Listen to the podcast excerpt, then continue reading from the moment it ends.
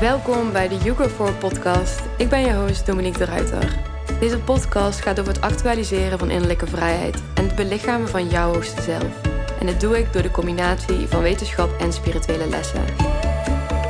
Ik bespreek topics zoals neurowetenschappen, spiritualiteit, holistische gezondheid en persoonlijke ontwikkeling. Deze podcast is voor jou als je een diep verlangen hebt naar innerlijke vrijheid en wil leven vanuit jouw authentieke zijn. Let's begin.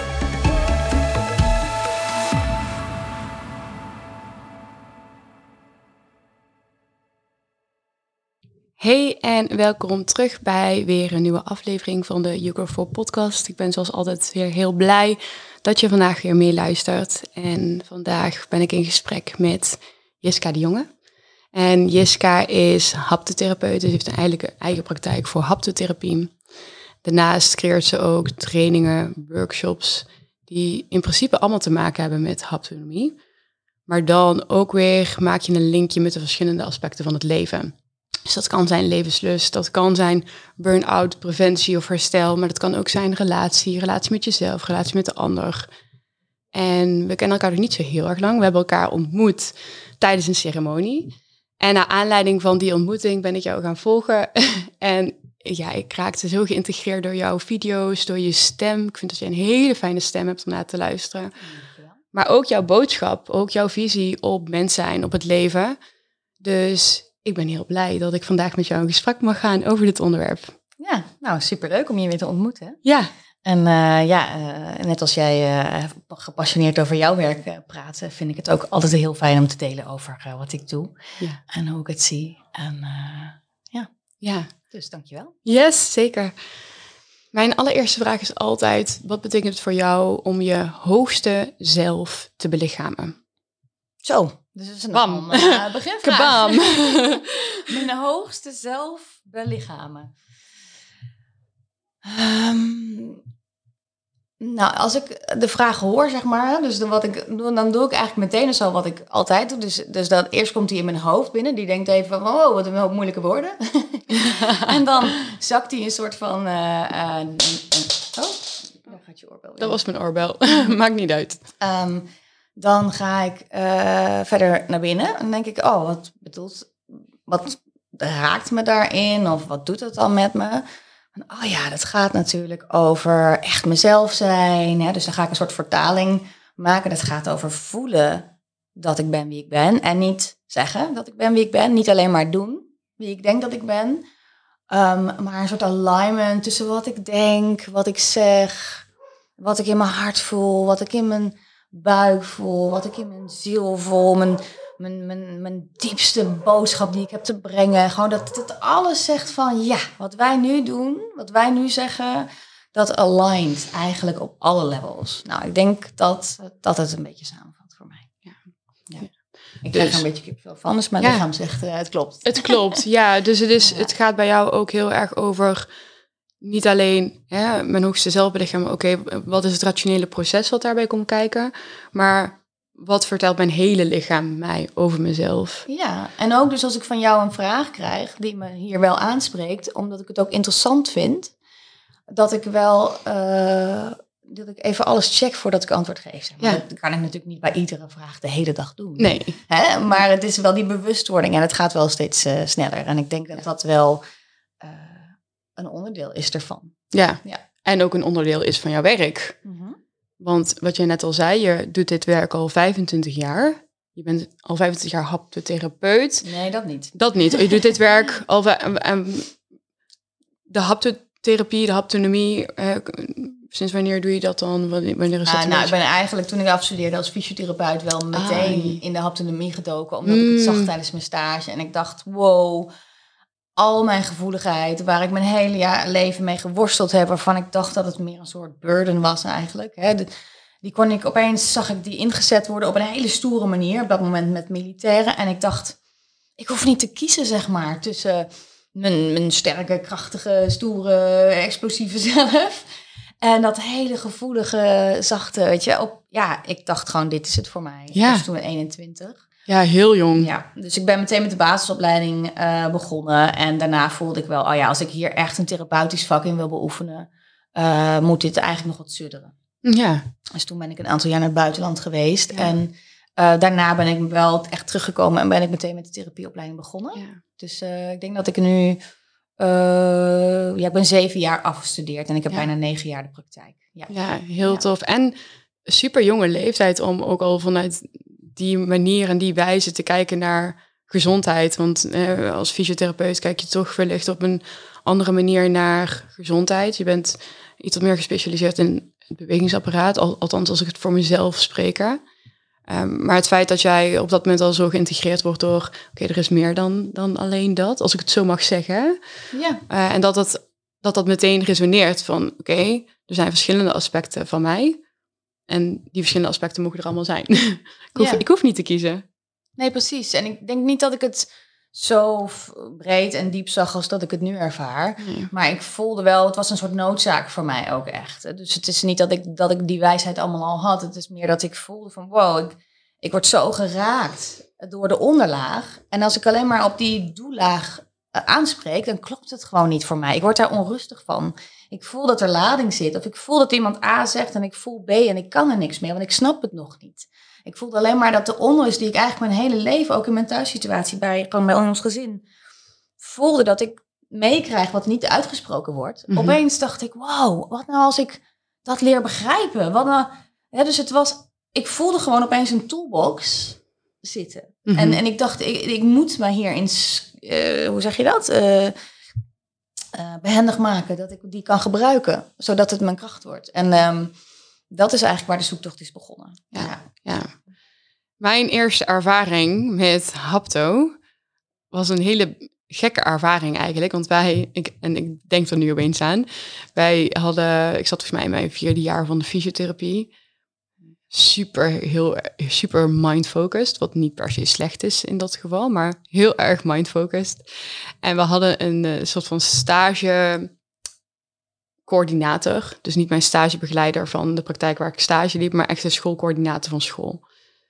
En nou, hij ging allemaal dingetjes doen en ik vond het zo'n niet duidelijk beeld. En ik begreep totaal niet wat hij bedoelde. Ik, raak, ik merkte bij mezelf dat ik heel geïrriteerd raakte. Van ja, ben nou gewoon eens duidelijk, wat zeg je nou precies? En toen heb ik Hapto eigenlijk heel lang niet aangekeken. Ik dacht van, oh, dat is zo... Die ervaring had dat eigenlijk al getekend. En toen ik jou, of als ik jou hoor spreken ook, dan denk ik, het is helemaal niet onduidelijk. Het is eigenlijk een heel helder verhaal. Dus eigenlijk een heel mooi, helder verhaal. Maar het is zo grappig dat daar zo'n zo'n verschillende ervaringen in zitten. Ik weet niet of dat voor jou ook zoals toen jij dus, want jij liep dus stage bij een hapto, haptofysio. Ja, het was een fysiotherapeut die, Die hapt- haptotherapeut, ja, Nou, bij hem had ik dus ook compleet die helderheid. Ja. Ik zag het echt zo Ja. duidelijk hoe de chronische pijnklachten van die militaire rouwdouwers zich verhield tot hun relatie met hun moeder bijvoorbeeld. Of, ja, of hey, weet je, dus dat was voor mij op dat moment juist verhelderend. ja, Ehm, maar ik snap wel dat mensen eh, soms in de war raken of geïrriteerd of denken, hé, hey, ik kan het niet volgen. Mhm. Als je te veel woorden gebruikt die, op een, die nergens passen bij iets wat iemand voelt. Dus ik, vind het echt wel mijn missie ook om hele klare taal te gebruiken. Zoals net jouw vraag, die prachtig is natuurlijk, maar die dan even niet past bij mijn lichaam of zo. Ik kan dan, dus dan ga ik even zoeken naar een soort vertaling. En ik denk dat in ons vakgebied dat we daar echt een valkuil hebben gehad, jarenlang. Eh, en nog steeds weet 40% van de Nederlanders niet echt wat het is. Omdat als iemand het uit begint te leggen, dat ze halverwege afhaken. Omdat ze denken, hè?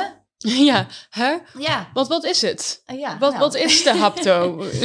Ja, dus eigenlijk heel kort gaat het over de relatie met je, met je lijf. En alles wat daarin te voelen is. En die- die hebben we allemaal, weet je wel. Dus het is niet dat, dat je daar niks mee kunt hebben. Ehm, en in de haptonomie gebruiken we onder andere het aanraken, maar ook gewoon de aandacht naar binnen brengen om te voelen wat er dan in jouw lijf voelbaar is. Hè? Wat, wat voel je terwijl je hier nu zit, terwijl je naar me luistert, terwijl je zelf spreekt? Wat is het verschil? Wat vertelt jouw lijf daarover en wat kun je daarin te weten komen over wie jij bent en hoe jij je leven leidt en hoe jij in je relatie staat? Ja.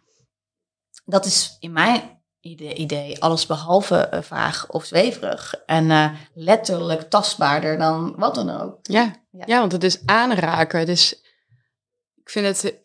En daarom was het ook heel grappig of bijzonder om het op die manier te ervaren. Het was zijn... Wellicht was wat hij vertelde wel heel helder voor hem. Het was op dat moment niet wat met mij resoneerde. Het was hetzelfde dat ik een keer helemaal in het begin op een behandelbank lag bij iemand en ze gaf aan van, hey, wat zie je? Welke vorm heeft het? Welke kleur heeft het? Kan je het weggooien? En ik had echt zoiets van, meid, waar de fuck heb jij het over?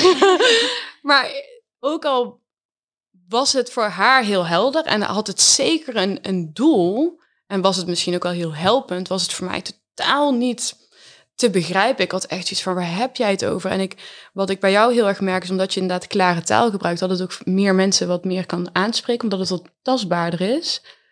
Ja, en ook zelfs daarin, want ik zal die vragen geheid ook wel eens gesteld hebben, maar het gaat er heel erg over de afstemming. Hè? Dus als ja, ik zo'n vraag ja. stel, ik stel, hè, ik stel een vraag op de bank en ik zeg, goh, hoe zou je het kunnen omschrijven? En die cliënt denkt echt, waar heeft ze het over? Dan voel ik eigenlijk de cliënt onder mijn handen een beetje wegtrekken, bijvoorbeeld. Hè? Dan denk ik, oh, ik raak de verbinding een beetje. Ik zeg, goh, ah, het lijkt of er iets verandert in ons contact, klopt dat? Uh, ja, ik zit een beetje in mijn hoofd. Oké, nou, wat zeg, wat zeg je? En, en dan gooi ik er een grapje in of zo. Van, oh, je denk je nu, je, waar gaan we naartoe met deze? Of, of, als je, dus, dan geef je eigenlijk, probeer ik te zoeken van, hé, hey, waar zitten ze dan wel? Ja. En daar haak je weer aan. En dan kijk je van, oké, dat, dat is dan misschien gewoon één stapje te ver naar links of te ver naar rechts. Hè, dus je kunt alleen samen ontdekken vanuit gelijkwaardigheid. Dus als zij denken dat ik het weet en dat zij het niet kunnen, dan haak ze af. En uh, vanuit vrijheid. Dus ik zeg altijd, het is belangrijk dat we gelijkwaardig zijn, dat jij je vrij voelt en dat het fijn is en veilig. En uh, dat is steeds zoeken, want soms zegt iemand wel, nee, het is oké. En dan is het dus zo mooi dat ik die toolbox inmiddels zo goed snap. Dat is wat met mijn kundig maakt in mijn vak, denk ik. Dat ik denk, ja, ik weet niet, is je lijf het daar ook mee eens? Is alles in jouw lijf het daar ook mee eens? Want je lijf kan ook nog soms ja en nee tegelijk zeggen. Ja, nou ja, ik voel wel een beetje spanning. Oké, nou zullen we eerst eens even alleen naar die spanning luisteren dan. Snap je? Dus het, het gaat erom dat ik de mensen help om al die stukjes van zichzelf, al die verschillende uh, kanten te leren begrijpen. Want het, het is ook uh, veel. Dus als je dan eigenlijk om een conclusie vraagt, helemaal aan het eind van die rit, dan, dat ze denken, ja, daar kan ik nog niks mee. Maar misschien drie sessies later is die vraag precies passend. Ja. Ja, dus echt afstemming. En ik denk dat je daarin mensen ook bij het proces kan houden. Terwijl je inderdaad, als je heel ver gaat, merkt dat ook in de praktijk. En wellicht herken je dat ook. Je bent net afgestuurd. Je hebt zoiets van, oh, nu ga ik de wereld uh, redden. En uh, nou ga ik iedereen binnen twee consulten, ga ik van zijn klachten afhelpen. En dan ben je bij die persoon en je zit ervoor. En je kijkt die persoon aan. En we gaan dit doen. En we gaan dat doen. En we gaan dit doen. En dit gebeurt er. En dat gebeurt er. En je gaat de hele anatomie van het linkerbeen opvertellen. En je gaat dit en de bezenuwingen. Dat is niet een afstemming. Dat is natuurlijk wel heel erg mooi van, hé, hey, dat ken ik en dat kan ik. Ja. Maar het is niet zo van, ik drop hier al mijn vaardigheden. Van dat ik kan laten zien van, hé, hey, ik kan het allemaal wel.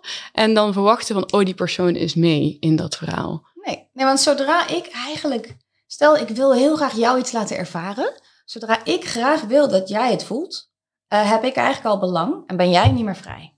Dus eigenlijk zodra ik iemand een beetje wil fixen of heel graag wilde, oh wat gun ik het deze persoon enorm, dan is dat voelbaar in mijn handen. Dan worden mijn handen krijgen belang.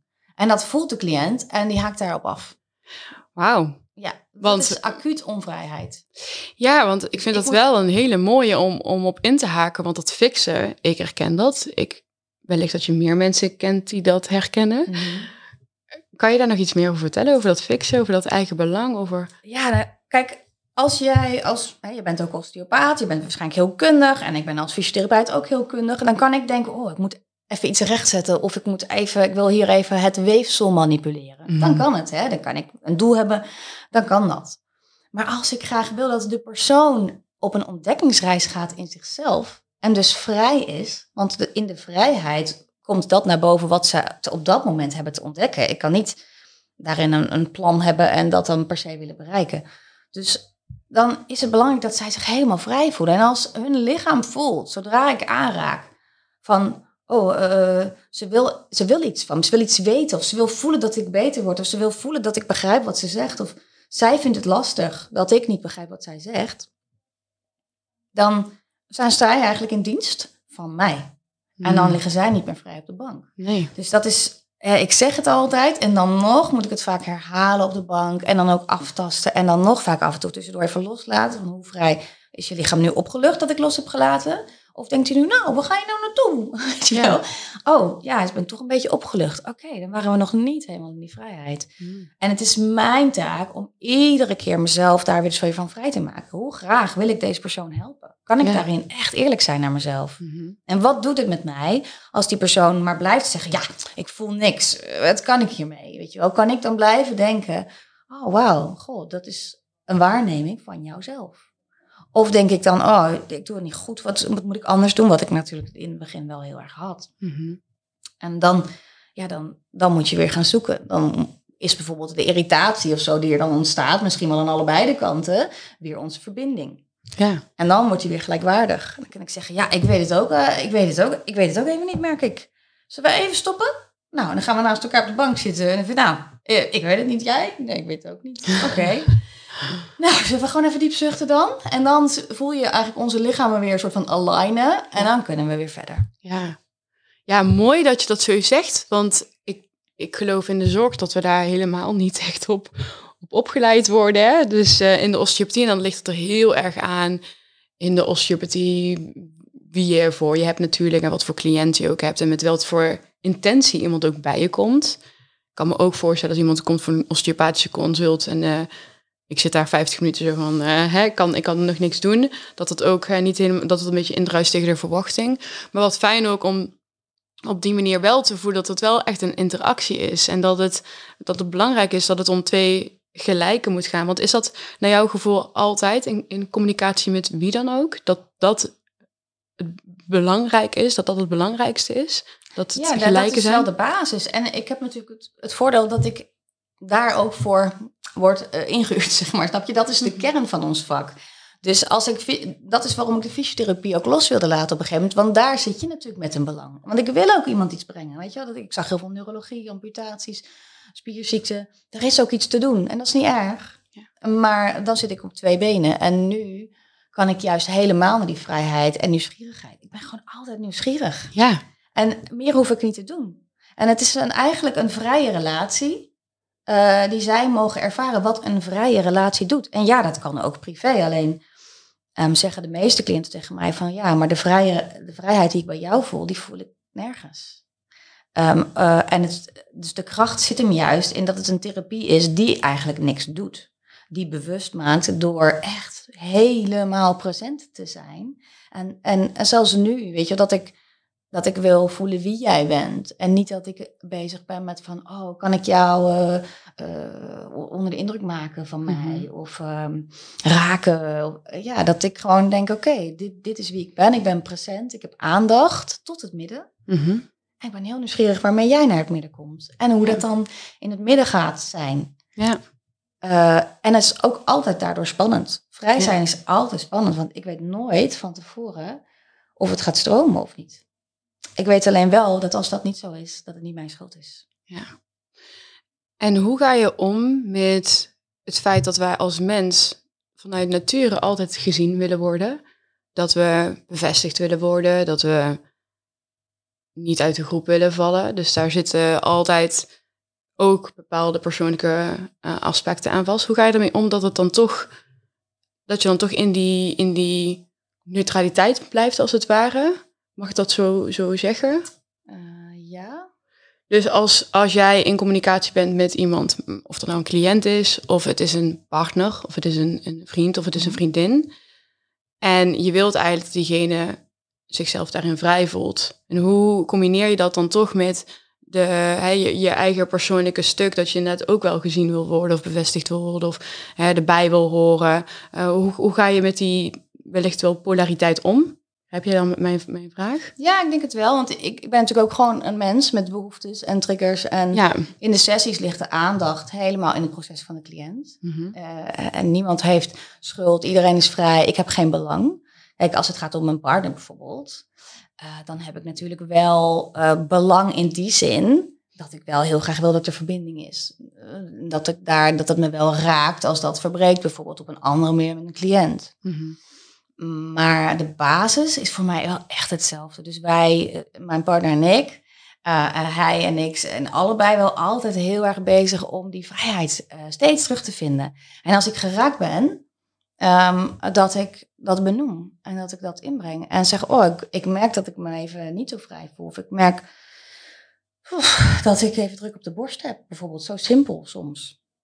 Dus als je die liefdevolle relatie met jezelf hebt, dan kun je ook alles wat jij voelt benoemen. Omdat je weet dat je niet, je legt niet schuld bij de ander. Je zoekt geen ruzie, je staat niet tegenover elkaar. Je, hè, van de week nog, ik zei iets. Ik weet niet eens meer wat het was. Het was helemaal, ik zat bij mij helemaal geen lading op. En dan is de ander geraakt. En zegt, oh, ik, ik merk dat ik me een beetje buitenspel gezet voel of zo. En dan is het niet van, oh, nou, maar dat bedoelde ik toch niet zo. Dan is het van, oh, god, wat gebeurt er dan? Dus dan gaat acuut mijn nieuwsgierigheid aan, omdat ik weet dat er een liefdevolle intentie is. Ja, dus dat is wel dat vertrouwen in jezelf, dat ik een liefdevolle intentie heb naar mezelf. En het vertrouwen dat ik daarmee weet dat ik probeer present te zijn en congruent naar de ander. En als dat even niet lukt, ja, dat kan zijn dat ik even iets onbewust heb. Of ja, dan mag de ander me naar wijzen. Of ik kan de ander daar een soort van, goh, ik, valt mij op dat. Of ik voel bij mezelf. Het gaat steeds om dat, dat scheiden. Dus dat je ook daarin vrij bent. Dat je niet verstrengeld raakt. Uh, en niet aannames doet en al die dingen. Ja, en wat ik daaruit hoor is dat dat dus ook betekent dat je jezelf heel goed leert kennen.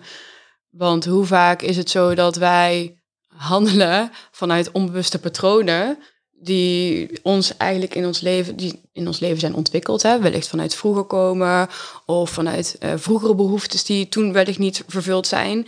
En dat we ons eigenlijk helemaal niet bewust zijn van hoe we eigenlijk reageren op de ander. Uh, waardoor we inderdaad, want ik herken het heel erg bij mezelf. Ik, ben, ik zit nogal uh, graag in, vuur, in vurigheid. Dus um, wat je dan merkt na bijvoorbeeld een partner of na verschillende relaties is van... Hey, hoos even. En je gaat er tegenin. Dat is eigenlijk heel onbewust. En soms bedoel ik dat niet eens zo heel bozig of hè, dominant of uh, dat jij naar mij moet luisteren. Maar zo kan het dus wel overkomen op die ander. Ja. En dat is ook niet per se dat ik nu denk van, ik mag dat niet zijn. Dus ik moet, weet je wel, uh, foei af, Dominique. Maar dat ik me daar wel bewust van ben. En ik vind het heel grappig. Laatst hadden mijn vriend en ik daar een uh, gesprek over. En ik had dus gisteren die presentatiecursus en moest eigenlijk een presentatie maken, voorbereiden. En het ging over de verschillende staten waarin je zenuwstelsel kan reageren op bedreigende situaties. En ik nam daarin een voorbeeld van de communicatiestrategie tussen mij en mijn vriend. Waarin, we, er was een ventilator. We gaan verhuizen. Oké, ik begin bij het begin. We gaan verhuizen. We gaan een nieuw huis kopen. En we hebben een hele lelijke ventilator. En ik vind gewoon dat die ventilator niet meegaat. Dus ik zei tegen mijn vriend van... Oh ja, die ventilator gaat in ieder geval niet mee naar ons huis. En mijn vriend zit daar zo van... Huh? Waarom niet, weet je wel? En ik denk echt van, really? Heb je dat lelijke ding ooit van, van dichtbij bekeken? Wat echt mega veel geluid maakt. Ik vind het echt een, nou ja, geen, geen mooie aanwinst. Dus voordat ik er erg in heb, spuw ik gewoon naar hem van, ja, ik ga dat lelijke ding toch niet meenemen? Je bent echt een verzamelaar, al die rots over jou. Ik ga het allemaal niet meenemen. En mijn vriend heeft echt zoiets van, girl, weet je wel, slow the fuck down. Maar daarna, omdat we ons daar bewust van zijn. En dan zegt hij, pakt hij zo mijn hand vast en zegt hij, Dominique, je was echt weer een koningin. En met koningin bedoelt hij dus van, jij, dat ik echt in de energie stap van, ik ben jouw baas en jij moet naar mij luisteren. Oh ja. En dat vind ik natuurlijk heel lastig, want ik, heb die, ik voel dat, die energie wel en ik voel dat ik daarin sneller geraakt word. En ik voel dat ik dan heel snel zonder over na te denken in dat vuur stap. Maar het feit dat we daar wel over hebben kunnen, kunnen spreken en dat we dat naar elkaar uit kunnen spreken en er wat over kunnen grappen en daarin ook weer in verbinding komen met elkaar, maakt dat het eigenlijk, ondanks dat het toch gebeurt, ondanks dat je toch soms reageert op een bepaalde manier die misschien niet zo, um, niet zo helpend is, ja. dat je wel weer terug kan komen naar verbinding. Precies. Nou, dat is een mooi voorbeeld. Ja. En uh, dat raakt me op verschillende levels. Ik denk, één is dat je erop terugkomt. Echt, of het nou met je kinderen is of je partner, weet je wel. En ook bij kinderen, weet je wel, kom er gewoon op terug en zeg: hé hey joh, dat was even uit de maat. En mama is moe vandaag. Weet je, ik schiet ook wel eens uit mijn slof. En dan zeg ik ook: ja, sorry, was niet handig. Dat is één. En de andere is dat die koningin in jou, die is natuurlijk fantastisch. Hè? Die, moet je niet, uh, die moet je niet dimmen. Nee. Alleen is het verschil dus dat je niet wil dat die koningin, zoals sommige koninginnen in sprookjes doen, dat ze dus zo koppen afhakken af en toe. Weet je wel? Dat, dat, deden ze vroeger. Tegenwoordig hoeft dat niet meer. Toen hoeft het misschien ook niet meer goed. Laten we de sprookjes even los. Hoe We let it go, ja. um, maar jij kunt je koninginnenenergie zeg maar zo verspreiden in plaats van zo verspreiden. Hè? Dus dat hij niet uh, voelt dat jij met je scepter zo, voel maar wat er gebeurt. Als ik zo...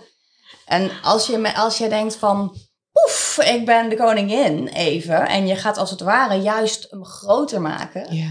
Zonder dat hij in een agressie richting de ander hoeft. Maar gewoon aan jouw kant, aan jouw helft. Ja. Op, je, op het tafeltje tussen jullie in.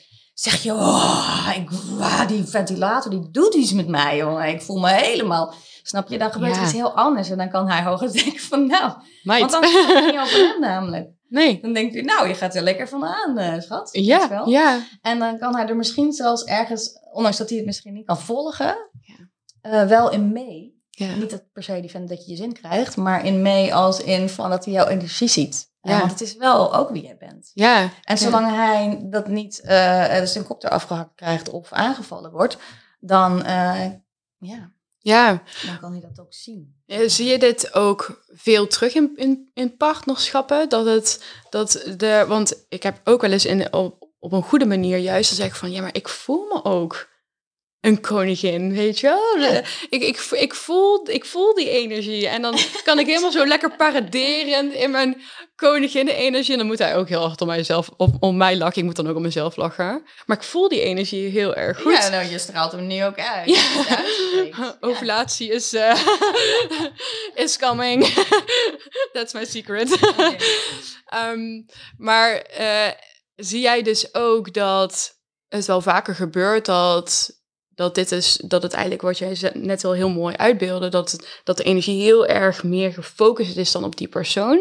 Ja, Of valt omdat het- we nog niet zo die wijsheid van binnen dan, of dat onze aandacht gewoon snel daar zit. Ja. Ja, dus als ik een, een intiemere relatie met, met, met mijn lijf heb, en dit is mijn primaire liefdesrelatie, Mhm. dan check ik alles altijd eerst even met mezelf. Dus Ja. dan ben ik geraakt en denk ik altijd, "Woe, wat gebeurt er? Voordat het naar de ventilator gaat, want die krijgt natuurlijk ook van langs. Ik bedoel, die heeft er geen last van, maar het ligt natuurlijk ook via de ventilator. Misschien wordt hij wel nog lelijker door mijn Ja. boze woorden. Oh. Nee, maar het ligt natuurlijk niet aan die ventilator. En het gaat natuurlijk niet over dat je vriend verzamelt. Want het is Het gaat daar niet prima, hè? Ja. Zolang je hele huis niet vol met bierblikjes staat of zo. Ja. Nee, dat valt mee. Dat valt mee.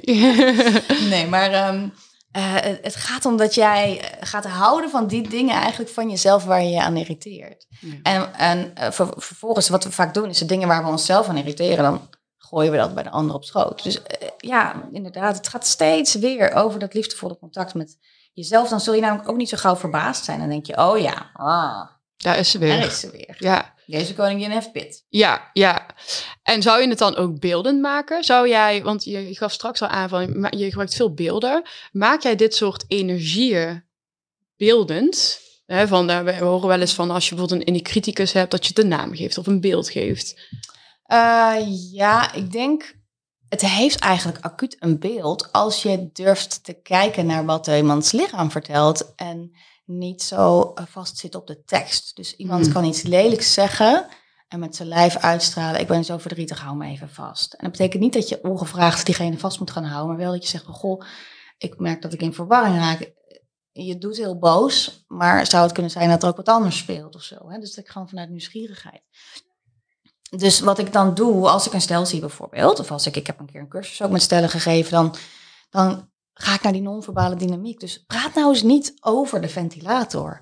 Zeg niks over die ventilator, maar eh, grom. Of eh, gooi je armen even in de lucht. Of gooi je mooiste jurkje aan en laat die koningin op een andere manier flaneren. Weet je? Dus dat je, eh, als je een stel, als ik ze samen iets laat doen in de praktijk, dan komt datzelfde patroon wat ze hadden bij de tandpasta, bij het doucheputje, bij de keuken, wie de vaatwasser inruimt. Diezelfde dilemma's komen ook tevoren. Als ik ze gewoon random een bal laat overgooien, of eh, de ene gaat op de bank liggen, de ander raakt de ander aan, of ze moeten samen stoeien, boksen, nou ja, noem het maar op. Ja. In wat ze ook doen. Dat patroon komt gewoon terug. Want Ja. je hebt allemaal, iedereen die een langdurige relatie heeft, weet, je hebt een aantal terugkerende patronen waar jouw trigger en mijn trigger elkaar gewoon steeds weten te vinden. Ja. Als je dat ontcijfert met z'n tweeën, en daar heb je geen situatie voor nodig, daar heb je alleen maar elkaars lijf voor nodig en luisteren, liefdevol luisteren. En je ontwa- ontwart dat met z'n tweeën. En je kunt iedere keer als jij ruzie maakt over een ventilator zeggen, oh, daar is die weer, hè? daar is die weer, daar is de koningin. En hij heeft waarschijnlijk ook een trigger met hoe hij reageert dan, hè? Ja, ja. Nou, oké, zullen we- wat hebben we dan nodig? Een stapje terug, kunnen we erom lachen, kunnen we er... Ja. ja, super. Ik vind, het, ik vind het sowieso super mooi. En hoe integreer je dit ten eerste? Want wellicht, en ik kan me heel goed voorstellen, je kan geen heel hapto, uh, haptonomie-opleiding in uh, tien minuten proppen, dat begrijp ik heel goed. Maar als koppel zijnde, hoe kan je hier wellicht op een spelender wijze manier mee van start gaan? Want in relaties zie je soms ook al wat weerstand tegen dat proces aangaan. Misschien bij allebei de partners of bij een van de partners. Of hè, misschien wel soms als ik spreek over mijn uh, situatie, dan ben ik zo iemand die van... Jij moet meedoen met mij. Ja, ja. zo aan gaan lopen trekken. De queen. ja. um, maar hoe uh, integreer je dit ten eerste? Wat is een, een leuke basisstap om, om te doen om, om hiermee te spelen in je relatie? Ja, dus uh, het begint inderdaad met volledige vrijheid. Dus je kunt niet de ander trekken, duwen, uh, 500 zelfhulpboeken op schoot gooien die ze toch niet gaan lezen. We niet, kennen het allemaal. Ja, nee, ik heb, ik heb het ook gedaan in het verleden. Sorry. Oeps. um, uh, dat werkt gewoon echt niet. Uh, inspireren en nieuwsgierig maken, dat is wat helpt. Verleiden. En dan bedoel ik niet per se verleiden naar seksualiteit, wat ook helpt trouwens, maar dus dat je laat zien dat die ontwikkeling jouw levenslust losmaakt. Ontwikkeling is niet alleen maar uh, zwaarte. En, uh, dus als je laat zien van hé, hey, ik ga mezelf bevrijden. En jij wordt steeds vrijer. En jij wordt steeds krachtiger. En dan op een gegeven moment denkt de ander, wow. En, en iedere keer weer die uitnodiging. Iedere keer weer gewoon die uitnodiging. Dit is waar ik mee bezig ben. Ik zou het zo tof vinden om met jou iets te ervaren. Weet je? Ga, richt je op dingen doen. In plaats van um, te veel praten erover. Mm. Maar ervaar dingen samen. Zoek ja. elkaar fysiek op. En daarmee bedoel ik uh, stoeien, spelen, um, aanraken, uh, samen sporten. Nou, wat het ook maar is. Hè, dus lijfelijke ervaringen samen. Ja. Um, maar hou de ander net zo vrij als dat je zelf bent. Ja. Dat is, ja, als jij, als mijn uh, zoon zegt, je moet nu met mij voetballen, je moet met mij voetballen, ik wil voetballen en ik kan het niet alleen. En dan denk ik, ja, ik, dat snap ik dat je graag wil voetballen en dat je het niet alleen kan. Maar dit is niet, ik voel me niet uitgenodigd, ik voel me gemanipuleerd en gedwongen. En dan soms doe ik het wel even voor hem, omdat ik weet hoe belangrijk het voor hem is. Maar eigenlijk, ik, ik communiceer daar wel helder over met hem en ik zeg van, goh, wel op het moment dan dat het mij uitkomt. En dan doe ik het uh, uiteindelijk wel echt uit vrijheid. Ik maak die keuze om dat te doen. En um, als ik het zou doen, als je ontwikkeling gaat instarten of meegaat naar cursussen, ja, omdat je... Uit ja, van pleasing ja, en dat gedrag. is wel echt lief bedoeld, hè. Ik, mm -hmm. Want ik weet hoe belangrijk het voor jou is. Oké, okay, dan ga ik wel. En dan hoopt de ander natuurlijk dat je daar geïnspireerd raakt. Zou kunnen. Mm -hmm. Zou kunnen. Maar als je daarheen gaat vanuit een soort, nou je ziet het al mijn lijf, een soort van, nou, ik ga wel met in jouw beweging. Met die puppy oogjes van Ja, dan komt het dus niet uit de zin, ik noem dat de zin. Hè? Dus niet mijn, mijn trampoline, mijn motor staat niet aan. Ik doe het een beetje vanuit mijn best doen. Mijn best doen voor jou. En mijn best doen voor de relatie. En omdat ik denk dat het handig is dat ik niet nog een keer nee zeg. Want je hebt het nu vijf keer gevraagd en ik wil niet dat je boos wordt. Mm Dus -hmm. even, hè. Mm -hmm. En ergens denk ik, nou ja, het is ook wel oké. Okay, of zo. Maar ik heb niet de motor aanstaan. Ik denk niet, oh, ik heb er zin in. Nee. Ik ben zo benieuwd wat er gaat komen. Ja. Dat is mijn eigen beweging. En eigenlijk wil ik niets ondernemen met mijn partner meer, tenzij ik een enthousiaste ja voel. Enthousiaste ja, tenzij, of, uh, of een nee. Ja. En dat geldt voor alles. Ja. Ja. Ik zit ook even te, te voelen van, wat doet dit met mij? En wat zegt dit dan over mij inderdaad? Want je hebt, je, je wilt inderdaad heel graag samen ontwikkelen, maar je hebt ook zeg maar twee aparte levens. En de ene ontwikkelt zich op die manier en de andere ontwikkelt zich op die manier. En je wil samen groeien. Dus je hebt ergens ook dat je elkaar uit die comfortzone wil halen. En dat het nou eenmaal niet altijd is dat je dan die enthousiaste ja krijgt. Terwijl je wellicht wel daarna krijgt van, oh, ik ben toch wel heel blij dat ik dat heb gedaan, want het heeft dat voor me betekend. Is dat, is dat ook oké? Of, of gaat het er meer om dat, het, dat je in ieder geval niet als een uh, maloot aan een dood paard, paard gaat liggen trekken? Nou, überhaupt, überhaupt niet. Iedereen, iedereen wil uiteindelijk lekker zijn vrije zelf zijn. Dus ja. het gaat erom, denk ik, en dat doe ik niet voor jou persoonlijk, maar de je in zijn algemeenheid, mm. dat je een soort van vertrouwen in jezelf voelt. Dat als jij liefde bent voor de ander en jij erop vertrouwt dat de ander voelt wat voor hem of haar goed is, dat die ontwikkeling precies zo gaat als dat die moet gaan. Ja.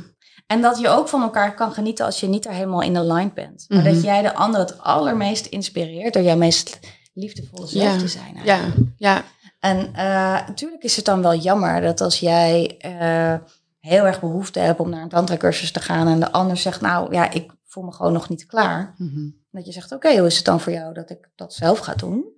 Ehm, en dan kan het maar zo zijn dat er wel een punt komt dat de ander meegaat. Maar Ja. dat je dat vertrouwen hebt van, oh ja, want het gaat natuurlijk uiteindelijk wel over angst. Want waarom, waarom komt er op een gegeven moment het gevoel van, oh, maar de ander moet wel mee? Omdat je ergens misschien denkt, ja, straks raak ik in mijn groei de ander kwijt. En dat Mhm. zou kunnen. Maar ik denk ook daar weer dat vertrouwen, dat liefde voor jezelf daarin voorop staat. En dat, dat ook in liefde kun je elkaar dan misschien even voor je gevoel wat kwijtraken en weer hervinden of niet. En ja, Ja. de relatievorm die je op dat moment hebt, zou daardoor kunnen veranderen. Dat, Ja. dat, die garantie heb je nooit. Als je zeker wil weten dat je partner bij je blijft en dat je bij elkaar blijft, dan kun je niet eh, je eigen groei voorop zetten. Als je eigen Nee. groei belangrijk voor je is, dan neem je gewoon het risico dat je relatie iedere dag verandert. ja, Iedere dag moet je elkaar eigenlijk weer loslaten en denken, nou, het zou, het zou kunnen eigenlijk dat het weer ophoudt, want je hebt geen garanties. nee. Het is natuurlijk allemaal een illusie.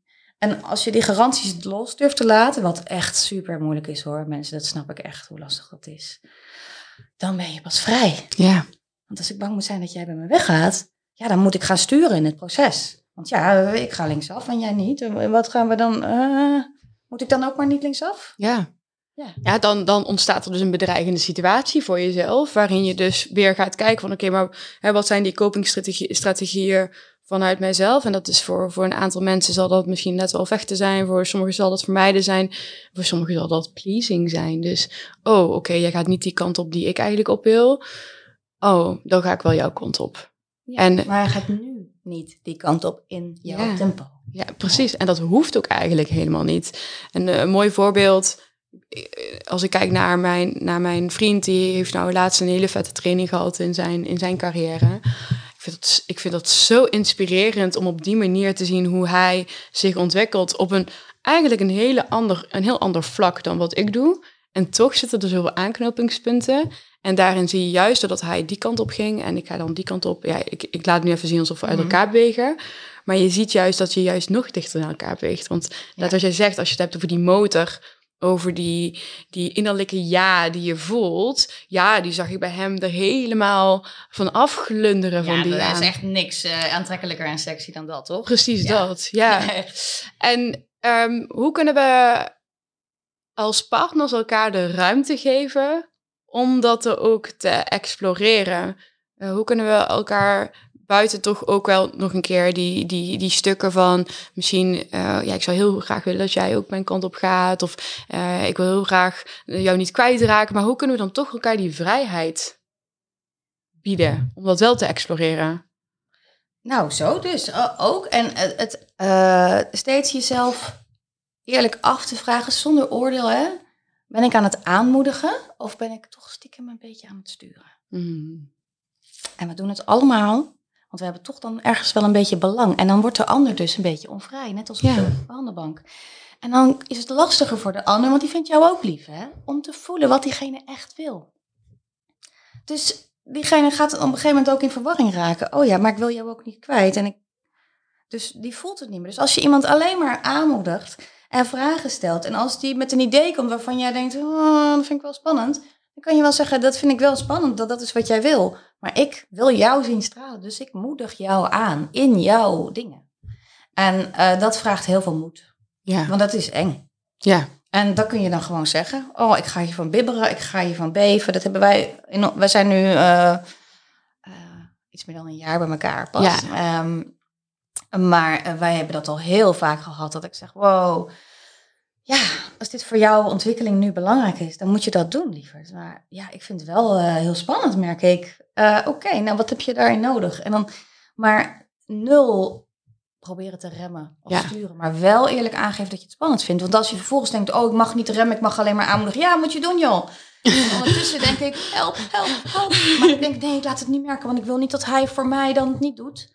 dan ben je nog niet open en eerlijk. En dan klopt het, dan stroomt hij nog niet. Dus dan zal de ander nog niet zo vrij genieten van die stap. Want die kent jou en die voelt jou en die lieft jou. Ja. En als je nou, je zit in een relatie en eh, hè, misschien wil die partner wel tantra gaan doen, dan heb jij zoiets van, hell no. Mag die nee daar dan ook zijn?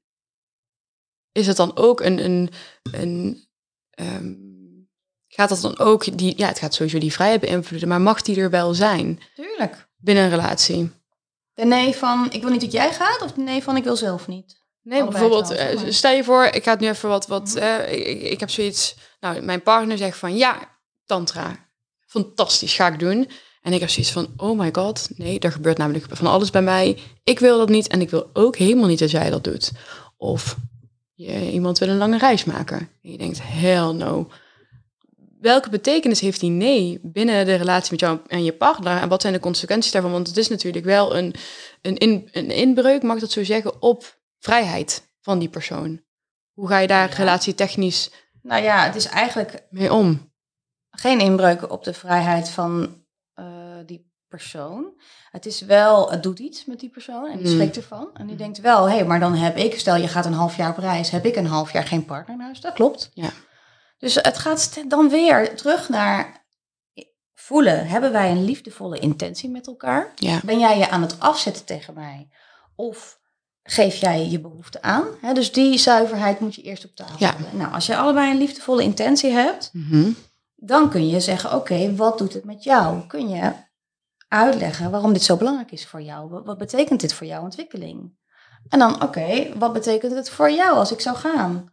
Ja, help, ik weet niet wat ik dan met mezelf aan moet. Ik ben bang dat je niet meer terugkomt. Ik ben bang dat ik alleen overblijf. Ik ben bang dat ik dan voor heel verdrietig word en dat ik mezelf... Nou ja, dan kan je dat allemaal uit en op tafel leggen. En dan kun je met z'n tweeën, zodat de een niet een compromis hoeft te sluiten. Nou, dan ga ik wel niet of dan ga ik wel twee weekjes per se. Omdat hij dan denkt, nou ja, dat doe ik dan voor jou. Ja, Maar je komt samen tot een, hé, hey, als wij een liefdevolle intentie hebben, dan voelen we samen wel wat is de maximale ruimte die de relatie heeft.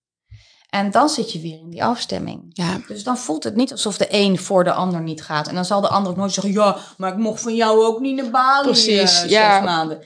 Dan krijg je hem ook niet op je bord drie laten. Nee, dat want- is dan in die intentie, zeg je van, wij beslissen nu samen dat dit voor ons echt oké is. Dan is hij daarna, moet hij ook klaar zijn. Dan Ja. kan je hem niet, dat is echt heel slecht voor de betrouwbaarheid. Als je hem dan drie maanden later iemand in zijn gezicht gooit. ja, want dat, ik denk dat dat, maar en dat dat ook komt vanuit weer datzelfde gevoel van diezelfde patronen, diezelfde behoeftes. Hè? Ik denk niet dat we bewust eh, de ander het leven zuur willen maken, maar Nee. dat het dus ons wel iets doet waarvan we achteraf toch denk, denken van, oh ja, nee, dat vind ik helemaal niet fijn, dus ik ga het weer spiegelen aan jou. En ik geloof inderdaad dat dat, ja, dat dat, dat helemaal geen fijn fundament is en ook geen veilig fundament is voor je relatie als je zoiets hebt van, ja, je gaat maar schat. En dan ben je daarna drie maanden later en heb je zoiets van, eh, ja, en eh, je hebt het gedaan. En Ja. ja, Ja, of je teert een beetje van binnen weg en je trekt je terug als je een Ja. beetje een vermijder bent. Denk je, nee, nee, ga maar, het is goed. ja, Ja. En dan denkt de ander, oh, je zegt ja, maar ik voel een nee. Of de ander Mm. ziet het niet en denkt, oh, oké. En die gaat niet vermoedend weg. mm, En die ander blijft helemaal een soort van verschrompeld achter en die gaat Ja. uit verbinding. ja, Nou, dus het is ook daarin gaat het weer over als jij lief bent voor alles in jezelf en je vindt jezelf geen aansteller. Je stelt je nooit aan. Wat je ook voelt, je stelt je nooit aan. Het, het vertelt je iets over jezelf. En misschien gaat het niet alleen over dit moment. nee, Misschien ben jij wel vroeger, weet ik veel, is je vader ehm, jong vertrokken of overleden. Of ehm, heb je, eh, ben je opeens verhuisd toen je acht was en heeft dat enorme impact gehad. En heb je gewoon een moeite met, met mensen die weggaan of die ja, en, en met alleen achterblijven voor je gevoel. Hè? Dus dat kan maar zo zijn dat zich dat dan aandient. Ja. Ja. Eh, als jij dat van jezelf weet hebt, als je weet daarvan hebt en je eh, oordeelt daar niet over en alles mag er zijn en je kunt nieuwsgierig blijven, dan eh, doe je het eigenlijk nooit fout. nee. Nee, en dat is inderdaad ook een proces wat ik eh, de afgelopen week ben ik er heel erg in gaan voelen van, voor mij kwam heel erg naar boven allowing, allowing. En ik, ik, ik, er kwamen bepaalde situaties naar boven en ik voelde dat in mijn lijf. Het waren niet per se prettige sensaties of gevoelens of emoties. Je, je hoofd maakt daar een verhaal van, van joh, hallo, dit is iets heel kleins. Waarom maak jij hier druk om? En dan krijg je eigenlijk al een vooroordeel naar jezelf van, oh, maar het is maar iets kleins. Dus eigenlijk krijg jij van mij geen toestemming om je zo te voelen. En ik geloof juist dat het dan gaat groeien, die discomfort, omdat er ook nog een veroordeling bij zit. Precies. En dat is denk ik waar mij vaak over gaat, om daarin dan te begeleiden en naar binnen te voelen van dat je dus dezelfde vraag stelt met een andere lading. En dan het liefst nog met je hand erbij, dus dat je denkt, als je merkt van jeetje, ik krijg gewoon een hartkloppingen van iets heel kleins, dat je denkt, waarom, waarom, waarom ben ik zo overstuur over zoiets kleins? En dat je dan luistert naar het antwoord ook. Want meestal zeggen we, nou waarom doe ik zo? Maar we zijn helemaal niet de vraag aan het stellen. Dat is geen vraag, dat is inderdaad alleen maar een oordeel. Mhm. Als je echt de vraag stelt en je durft het antwoord te horen, dan komt de emotie eerst vaak meer aan bod. Mhm.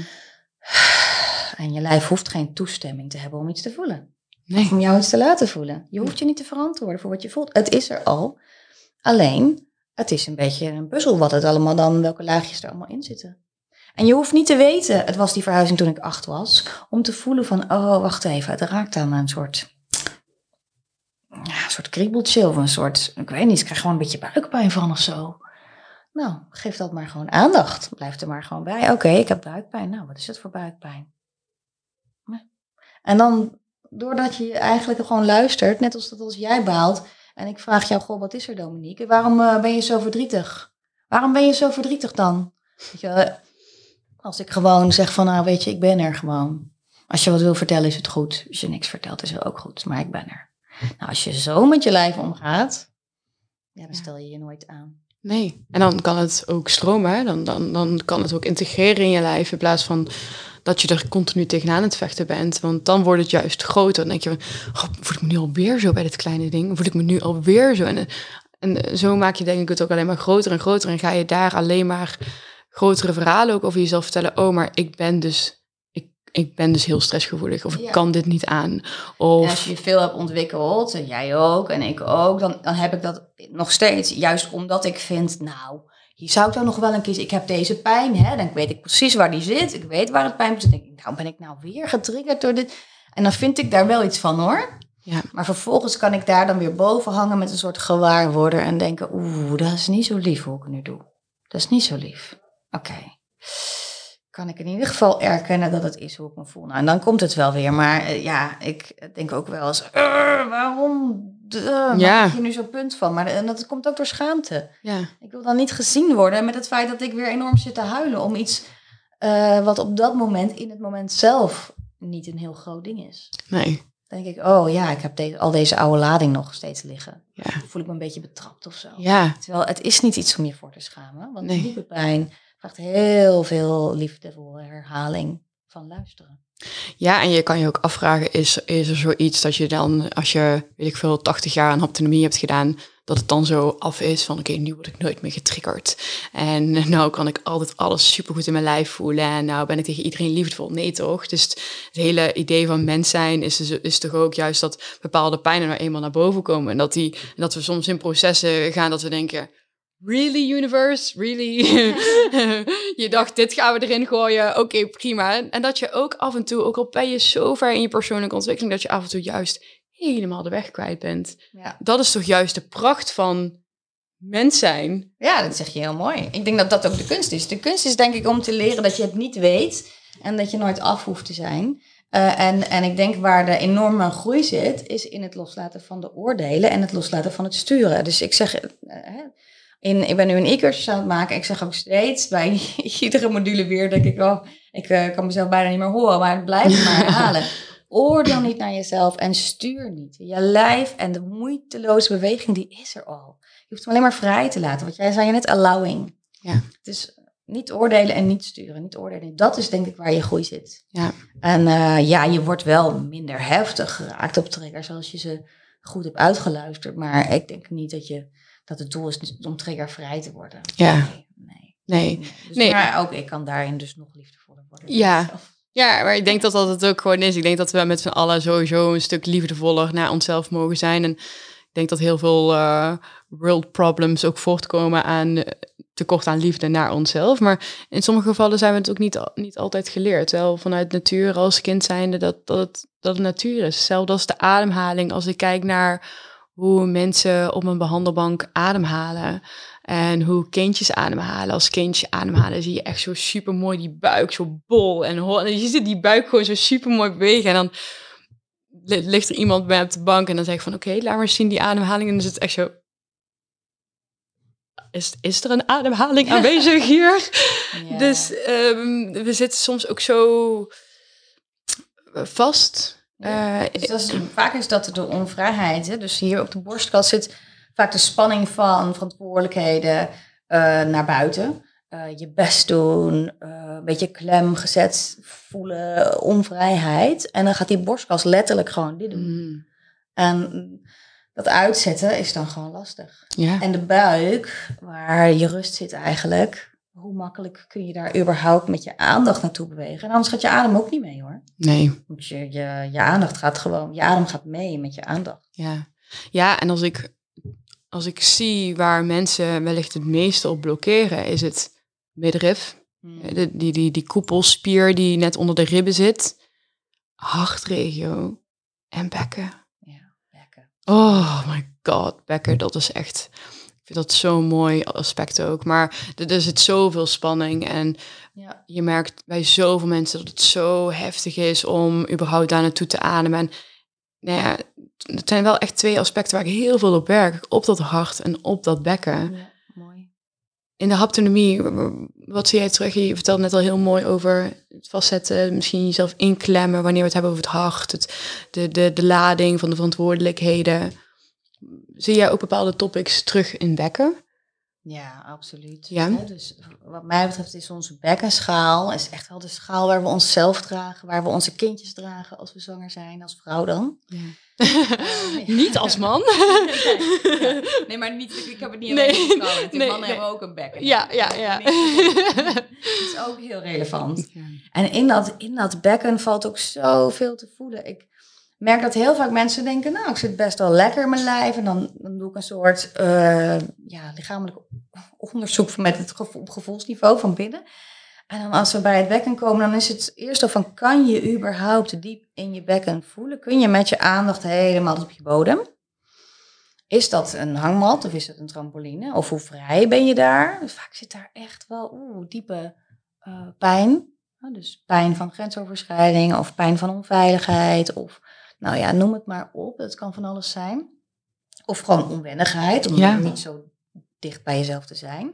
En dan, als het daar wat vrijer is en je kunt voelen, dan zit daar niet alleen je diepste pijn, maar aan je diepste pijn, de keerzijde daarvan, zijn je diepste verlangens. Ja. En dus je kunt via je diepste verlangens naar je diepste pijn en andersom. En dat maakt het voor mij, is denk ik wel mijn grootste drijfveer waarom ik het zo'n fantastisch vak vind. Omdat als je dus op zo ver komt dat jij je diepste pijn aan durft te kijken en durft te voelen, dan, dan komt me er toch een energie van hmm. verlangen vrij. Dan voel je van, wow, maar wie ben ik nou dan echt van, van, van, van diep van binnen? Wie wil vanuit mijn... Als ik echt opsta, als ik me opricht, als ik uh, gespeeld word, als ik ondeugend word, als ik gepassioneerd word, als ik enthousiast word, als ik opgewonden raak. Weet je, dat zijn allemaal energieën waarbij je dit doet. En dat kan pas als je wel echt je vrij hebt gemaakt daar.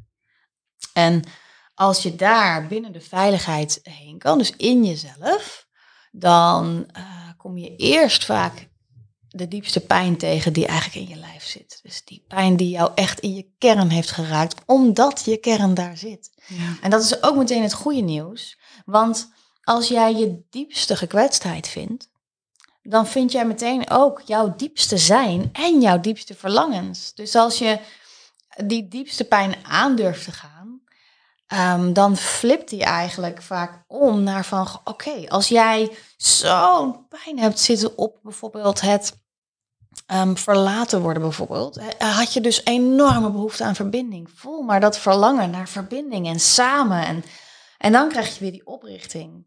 En uh, die diepste verlangens, die passen heel erg bij jou. Jouw diepste verlangens zijn weer anders dan die van mij. En de, de energie waarmee het omhoog gaat, is vaak gericht op speelsheid en boosheid en levenslust en, en, en zin en um, een beetje ondeugendheid, seksualiteit. Ja. dat zijn allemaal oprichtende energieën die je pas vol kan gaan leven als je ook ziet dat het verbonden is met de pijn die ook daar zit. Dus als je het één wil vermijden, je wil alleen de lol ervan. natuurlijk willen we allemaal lekker levenslustig, plezier, lol, uh, speels zijn. Maar dat kan eigenlijk pas als jouw lijf weet dat er dan ook ruimte is voor wat er eventueel nog aan pijn is te voelen daar. En dat je daar veilig bent. En, daar is die weer, vrij. En ja. niet veroordeeld. Ja. Niet gestuurd. Maar vrij als een, vrij als een, als een peutertje wat de wereld wil ontdekken. Maar dan in volwassen vorm. Volwassen speelsheid noem ik dat ook echt. Mensen denken van ja, ik wil weer spelen zoals een kind. Ik denk, nee, je wil niet spelen zoals een kind. Je wil spelen als een freaking volwassene. Dat is nog veel leuker. Ja. en daar bedoel ik niet mee dat er seks bij hoeft te komen kijken. Wat ook natuurlijk een verschil is. Maar ook dat jij echt kunt gaan staan voor die speelsheid. En niet meer uit een onvolwassenheid alleen maar spelen en dan maar zien wat er gebeurt. En je niet rekening houden met anderen en uit verbinding zijn. Ja. Ja. ja, het is een lang antwoord, maar dus, er valt, dat bekken is zeker wel een sleutelding. Ja. En uh, ik kan mensen een beetje aansteken vanuit mijn eigen bekkenenergie. Um, en als het veilig is, dan wakkert dat aan. En als het onveilig is, dan, dan gaat het vaak juist een beetje sluiten. En dan is het weer afstemmen en ontdekken. Ja. ja. En hoe kunnen we. Wat, wat is een methode om ons veiliger te voelen in dat bekken? Want als ik hè, de, cliënten op de, op de bank heb liggen, of misschien nog niet eens hè, op de bank heb liggen, maar gewoon eens met ze spreek en het daar ook op uitkomt van hey, dat bekken voelt helemaal niet veilig. Wat is, een, wat is een manier, een veilige manier om daar mee te gaan werken, mee te gaan spelen als het ware? Um, de grens van de veiligheid wat opzoeken en er niet overheen gaan. Dus, en het gaat vooral over de persoon die op dat moment, ik ga even vanuit dat ze op de bank liggen, op de bank ligt. Dus dat die zelf merkt, hé, hey, ik voel dat punt waar het allereerste stukje van mij in de weerstand gaat. Dat er ook nog iets van mij is van, nou nee, maar ik wil het nog steeds wel ontdekken en ik wil nog eigenlijk nog wel wat verder. En dan te zeggen, nee, als er ook maar één haar op jouw lijf is die denkt, ik weet het nog even niet, dan wachten we gewoon nog even. Dat is een valide beschermingsmechanisme wat zich aandient. En dan, dan binnen die veiligheid voelen van, ah, er hoeft niks te gebeuren wat ik niet wil. Helemaal niks. En je verliest geen verbinding. Ik blijf gewoon. Soms sta ik aan de andere kant of andere eind van de behandelkamer. Ja. moet ik eerst stappen achteruit, achteruit. Tot zij voelen, oh, er hoeft echt niks. En je bent er nog steeds. En je vindt mij niet stom. Je wijst me niet af. Je gaat niet bij me weg. Nee. En dan langzaam maar zeker. Dus het is wel, uh, met jezelf kun je dat ook. Want dat vroeg je eigenlijk, hoe kan ik dat zelf doen? Het gaat erom dat als jij voelt dat de grens van die veiligheid bereikt is. Of dat je merkt, het voelt een beetje dubbel. Of ik weet het niet zo goed. Dat je niet gas geeft. En dat je lief bent voor jezelf. Je stelt je nooit aan. En dat je blijft voelen hmm, wat voel ik dan wel? Oh, ik voel een soort dubbelheid. Of ik voel een soort innerlijk gevecht ontstaan van een ja en een nee. Of ik voel verwarring. Of... Als niet alles vol enthousiast op een ja staat, wat je ook van plan bent, dan is het gewoon nog geen ja. Ja. En ik denk dat als die basis, als iedereen dat voor zichzelf zou hanteren, dat het al heel veel zou schelen. Het is, het is natuurlijk super moeilijk. Ja. Iedere keer dat je dat dan niet doet, hoef je ook niet weer heel boos te worden. Dan heb ik het weer niet gedaan. weer niet lief geweest voor mezelf. Nee, want jouw inzicht, dat is ook een hele mooie. Jouw inzicht begint eerst kilometers daarna. Dat je denkt, oh, dan, dan zeg ik dat tegen iemand. Dan zeggen ze, oeh, ja, dat doe ik. Dat doe ik wel eens. Dan gaat een kwartje vallen. Dan een, een bepaalde periode later is het, Oh ja, gisteren ging het toch, uh, heb ik toch weer niet uh, lief voor mezelf geweest. Oké. Nou, en op een gegeven moment merk je het in het moment zelf. Kun je er nog steeds niks aan doen. Laat je het nog steeds gebeuren. Maar je voelt het al wel. En daarna kun je pas soort van in het moment gaan handelen ook haar. Dus je kunt ook niet van jezelf verwachten, doordat je dit nu weet van jezelf, dat je het morgen even anders gaat doen. is gewoon ook niet lief. Want dat is, dat, niemand kan dat. Dit is helaas het allerlaatste wat is opgenomen door de software op de een of andere manier hebben we echt wat problemen gehad met het opnemen van deze podcast. Niet alleen kwamen er na de opname achter dat de video niet was opgenomen, maar tijdens het bewerken van deze podcast zag ik dat het laatste deel van de podcast niet was opgenomen door de software. Ik heb echt geen idee hoe het heeft kunnen gebeuren. Ik baal er alleen heel erg van, want Jeska vertelt nog een heel aantal waardevolle zaken. Maar ik laat het heel even zijn voor wat het is dan moet het voor nu ook zo heel even zijn. Ik hoop dat deze podcast je geraakt heeft. Het heeft mij in ieder geval zeker geraakt. Het heeft mij geïnspireerd. En Jeska neemt ons op het einde van de podcast nog heel even mee in een oefening. Om eens in je lijf te voelen van wat heeft deze podcast met je gedaan? Welke gevoelens of sensaties of gedachten komen er naar boven? En mag je daar ook ruimte aan geven? Voor iedereen zal deze podcast een andere invloed hebben en dat is ook helemaal oké. Ik zal de gegevens van Jiska sowieso heel even in de show notes plaatsen, zodat je ook kan connecten met Jiska. Ga vooral haar Instagram bekijken. Haar video's zijn super waardevol. Haar posts zijn super waardevol. Maar vooral ook haar visie is heel inspirerend voor ons als mens. Ik wil je heel erg bedanken voor het luisteren naar deze podcast. En ik zie je heel graag weer terug in de volgende podcast aflevering.